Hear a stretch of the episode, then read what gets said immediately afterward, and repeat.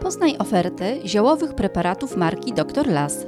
Nasze produkty wspomagają trawienie, zmniejszają stany lękowe i bezsenność, a także przyczyniają się do odbudowy bariery jelitowej.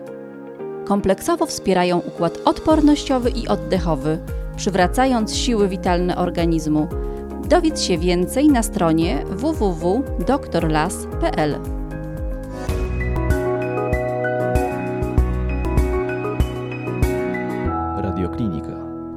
się w swoje zdrowie. Tematem naszej bieżącej audycji będzie nurzeniec i o tej przypadłości rozmawiam z panem doktorem Mariuszem Rowińskim z Centrum Mikrochirurgii Oka Laser Kliniki profesora Jerzego Szaflika w Warszawie. Witam. Dzień dobry Państwu. Nurzeniec, cóż to jest takiego? Roztocze pajęczak, pasożyt bytujący w gruczołach przyrzęsowych i w gruczołach Mayboma. Może zajmować również mieszki włosowe na skórze twarzy. Są autorzy, którzy twierdzą, że może bytować teoretycznie na całej skórze człowieka. Zagnieżdża się w cebulkach? W gruczołach, w miejscach, w których cebulki są przymocowane. W gruczołach Mayboma nie ma cebulek, to są zmodyfikowane gruczoły włosowe, ale bez włosów. W gruczołach przyrzęsowych są zamocowane rzęsy i tam cebulki są. Czym odżywia się nurzeniec? Tłuszczem, naskórkami. Wszystkim to, co jest produkowane na skórze. Czyli lipidy, generalnie rzecz ujmując. Czy jest to przypadłość niebezpieczna? No, tak jak sama nazwa, nużąca. Ale- Nie spowoduje u nas jakichś dramatycznych uszkodzeń wzroku, nie doprowadzi nas do ślepoty, ale dolegliwości wywołane przez nużeńca będą powodowały, że życie będzie trudniejsze ze względu na suche oko, nawrotowe gradówki, jęczmienie, zapalenia brzegów powiek, uczucie jakby coś po nas chodziło, jakby coś drążyło nas w skórze. Jakby coś po nas chodziło, czy to jest duże stworzenie? Możemy oceniając jego wielkość w preparacie, porównując do wielkości rzęsy, on stanowi mniej więcej 2 trzecie grubości rzęsy. W związku z tym nie jest to stworzenie mikroskopijne w kategoriach bakterii. Jest to stworzenie, które za pomocą lampy szczelinowej, którą badamy pacjentów przy powiększeniu 80 razy, będziemy mogli zauważyć, jak sterczy jego odwłok z ujścia mieszka. Nurzeniec wywołuje chorobę zwaną nużycą, bądź też inaczej Demodekozą. demodekozą. Generalnie mało się wie i mało mówi o tej chorobie, a przecież w niektórych populacjach cierpi na nią aż 60% społeczeństwa. Czytałem również opracowania, że nawet w niektórych krajach do 100% ludzi może być nosicielami nużeńca. No to jest bardzo dobre pytanie z tego powodu, że mówimy w tej chwili o tym, jak stwierdzamy u pacjentów, czyli u osób, które potencjalnie zgłaszają się do lekarza z powodu choroby, nie badając całą populację, która jest potencjalnie i chora, i zdrowa, określając obecność nużeńca. W związku z tym u osób, które zgłaszają się z powodu, w określonych grupach wiekowych faktycznie ten stopień zarażenia jest wysoki. Pytanie dlaczego? Czy dlatego, że ci pacjenci nie mają świadomości, bo nużeniec jest chorobą, która ponownie odżyła po wielu latach. To nie jest rozpoznanie sprzed kilku lat, jest to schorzenie rozpoznane w ubiegłym wieku, mówię o XIX wieku. Natomiast w tej chwili możliwości diagnostyczne i możliwości terapeutyczne pozwoliły nam leczyć skutecznie nużeńca i jednocześnie wyjaśnić wiele chorób, których do tej pory tłumaczenie nie było dla nas do końca zrozumiałe.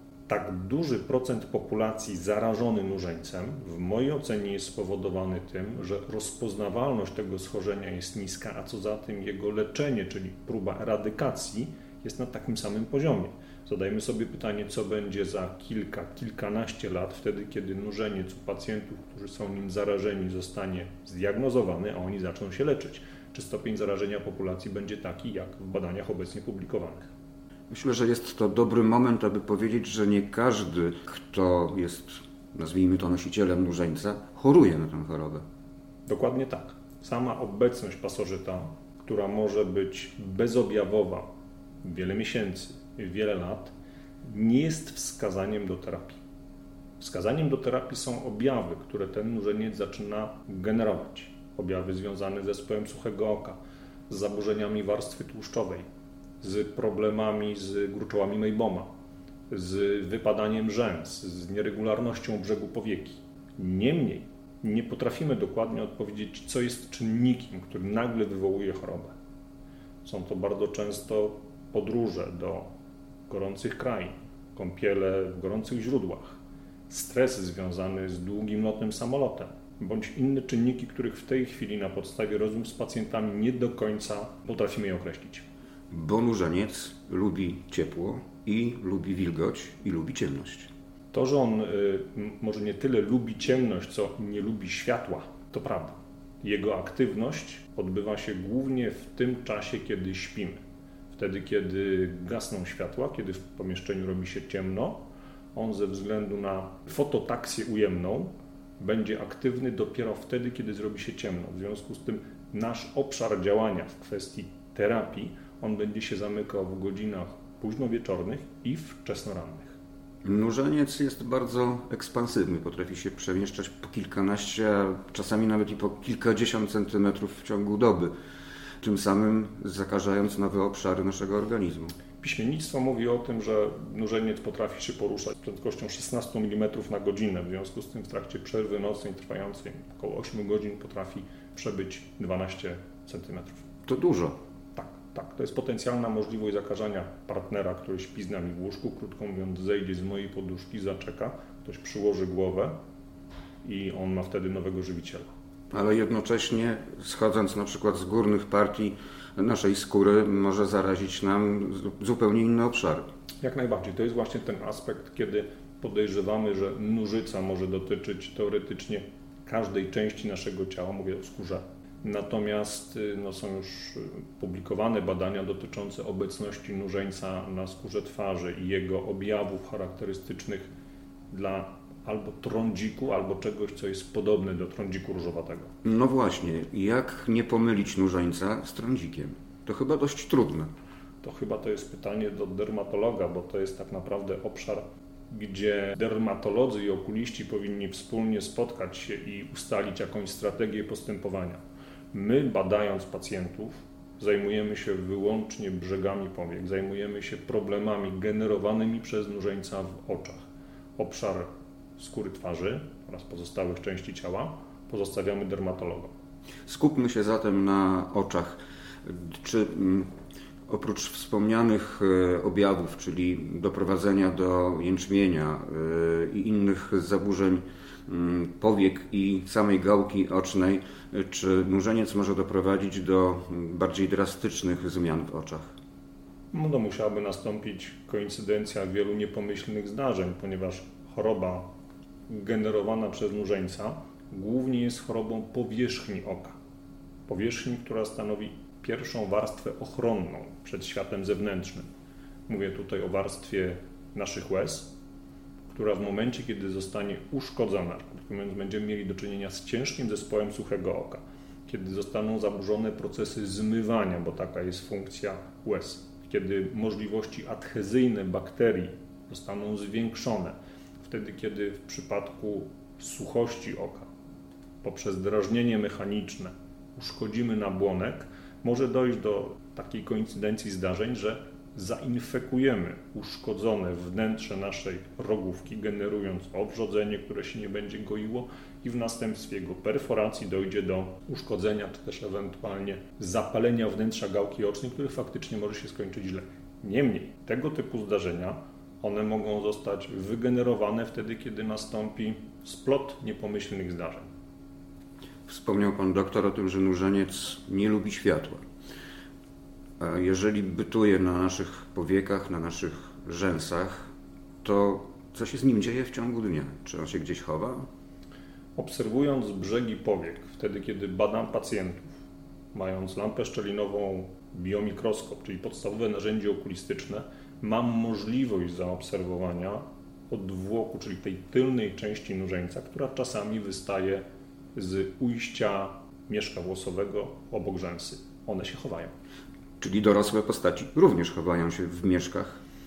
Jeżeli będziemy analizowali cykl, to zasadniczo tylko dorosłe postacie, ze względu na popęd seksualny i chęć przedłużenia gatunku, migrują, to znaczy wychodzą z naszych mieszków Mówię o formach, które są aktywne seksualnie w niewielkim, krótkim okresie swojego życia, po to, aby przedłużyć gatunek i to jest moment, kiedy my możemy z nimi walczyć.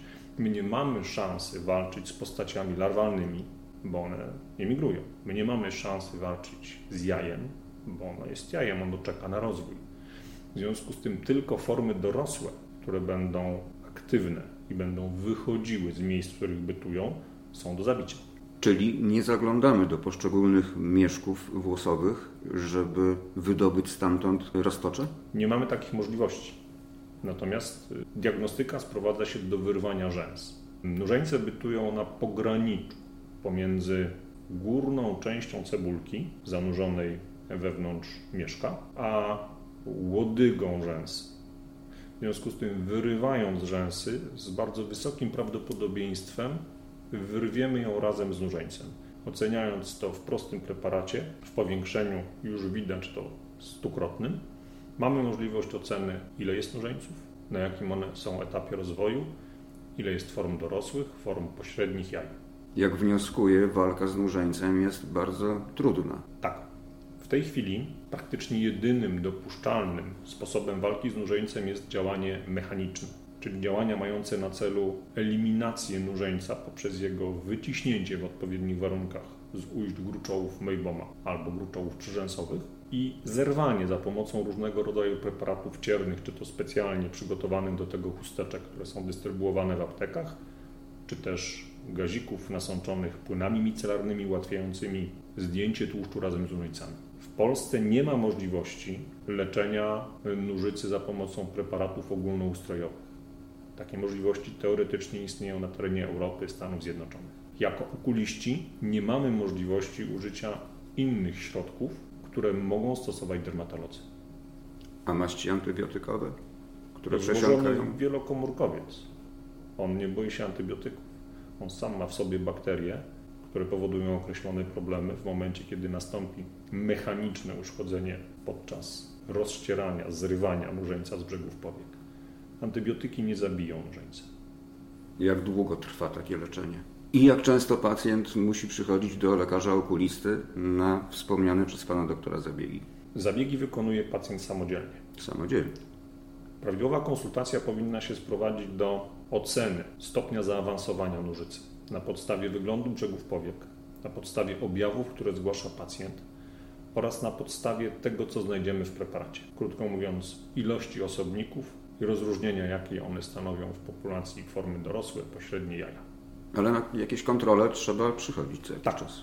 Ale ta kontrola, jeżeli prawidłowo przeprowadzimy edukację pacjenta mającą na celu wyuczenie go, w jaki sposób prawidłowo przeprowadzać rękoczyny mające na celu eliminację nurzeńca, ona ma wyłącznie na celu utwierdzenie pacjenta w tym, że jego działania są skuteczne. Jeżeli pacjent wykonuje zalecenia lekarza w sposób prawidłowy, to już po kilku dniach leczenia odczuwa ulgę. Odczuje ulgę, bo zniszczymy postaci dorosłe, ale przecież... Zniszczymy część postaci dorosłych. Część, Jeżeli tak. to jest duża populacja, to musimy mieć świadomość, że to jest rodzina wielopokoleniowa. Jest to rodzina, która w trakcie naszych działań nie zostanie wybita. Ta walka będzie wielomiesięczna z tego powodu, że my będziemy mieli możliwość atakować je tylko wtedy, kiedy one będą wychodziły, czyli późna pora nocna, wczesna pora poranna nie mamy zasadniczo wpływu na to, co się dzieje w nocy.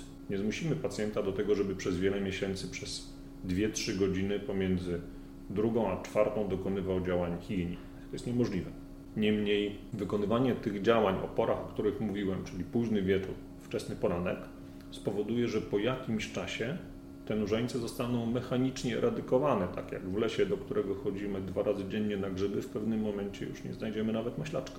Natomiast istotne jest to, aby pacjent był świadom, że metoda mechaniczna, choć jest długotrwała i absorbująca, jest skuteczna.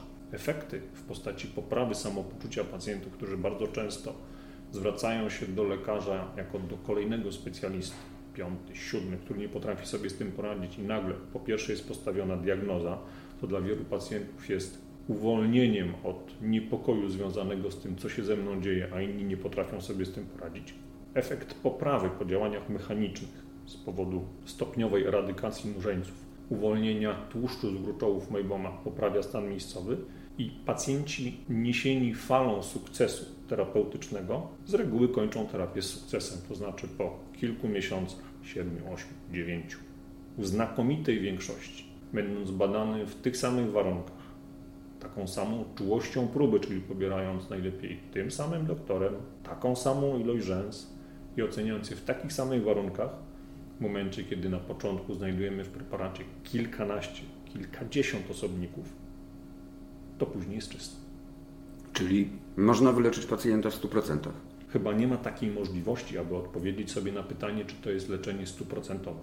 Jeżeli ktoś zgodziłby się na to, by wyrwać wszystkie rzęsy i wszystkie te rzęsy ocenić, i w żadnej z tych rzęs nie znajdziemy osobników, to możemy uznać, że jest to wyleczenie stuprocentowe. Praktyka pokazuje, że po 3,5 miesiącach leczenia ilość osobników maleje drastycznie, co sprowadza się do tego, że po 3,5 miesiąca w preparacie z kilkunastu, kilkudziesięciu znajdujemy jeden, czasami dwa osobniki, jeżeli działania są wykonywane w sposób prawidłowy i zgodny ze sztuką. W związku z tym na tej podstawie, jeżeli dedykujemy później dwa razy taki okres leczenia, no to sądzę, że radykacja jest totalna. Zresztą praktyka pokazuje, że pacjenci, którzy zakończą cykl leczenia, nie zgłaszają się ponownie. Przynajmniej tak jest z doświadczenia, które mam. A w naszym kraju jaki odsetek społeczeństwa choruje na mużycę? Czy jest to w ogóle jakoś oszacowane? Ja nie spotkałem się z takimi badaniami. Jednocześnie też chyba nie jestem osobą, która może precyzyjnie na to pytanie odpowiedzieć, ponieważ znakomita większość pacjentów, których badam, to są pacjenci dedykowani. To są osoby, które zostały skierowane na diagnostykę przez innych fachowców, którzy podejrzewają, że tak jest. W związku z tym jest to wyselekcjonowany pacjent, po pierwsze mający dolegliwości, z tego powodu zgłosił się do doktora, a po drugie jego dolegliwości sugerują, że jego problemem może być nużeniec. W związku z tym następuje dwu, trzykrotne sito, ja dostaję pacjenta, u którego z bardzo wysokim prawdopodobieństwem, po tym jak zbadali go moje koleżanki i koledzy, znajduje nużeńca. I taka trafialność jest wysoka, aczkolwiek nie jest stuprocentowa, nie jest prawdą, to każdy ma nużeńca. Tego typu informacje przekazują mi pacjenci, którzy przygotowując się do wizyty przeglądają internet i, i takie prawdy objawione przekazują. No zapytam wtedy, a któż na takie pytanie odpowiedział sobie i w jaki sposób dokonał diagnostyki, że u wszystkich, u których badał, znalazł nużeńca, u zdrowych i u chorych. Nużyca i nużeniec, określenia, które brzmią dość groźnie, ale chyba nie ma powodów do wielkich obaw, bo można zwalczyć tę przypadłość. Jak najbardziej, aczkolwiek wymaga to od nas żelaznej dyscypliny, no i zrozumienia tego, że tylko od naszych chęci zależy sukces i wyleczenie. I myślę, że to jest znakomita puenta naszej rozmowy. A rozmawiałem z panem doktorem Mariuszem Rowińskim z Centrum Mikrochirurgii Oka Laser Kliniki profesora Jerzego Szaflika w Warszawie. Bardzo dziękuję panie doktorze. Dziękuję państwu.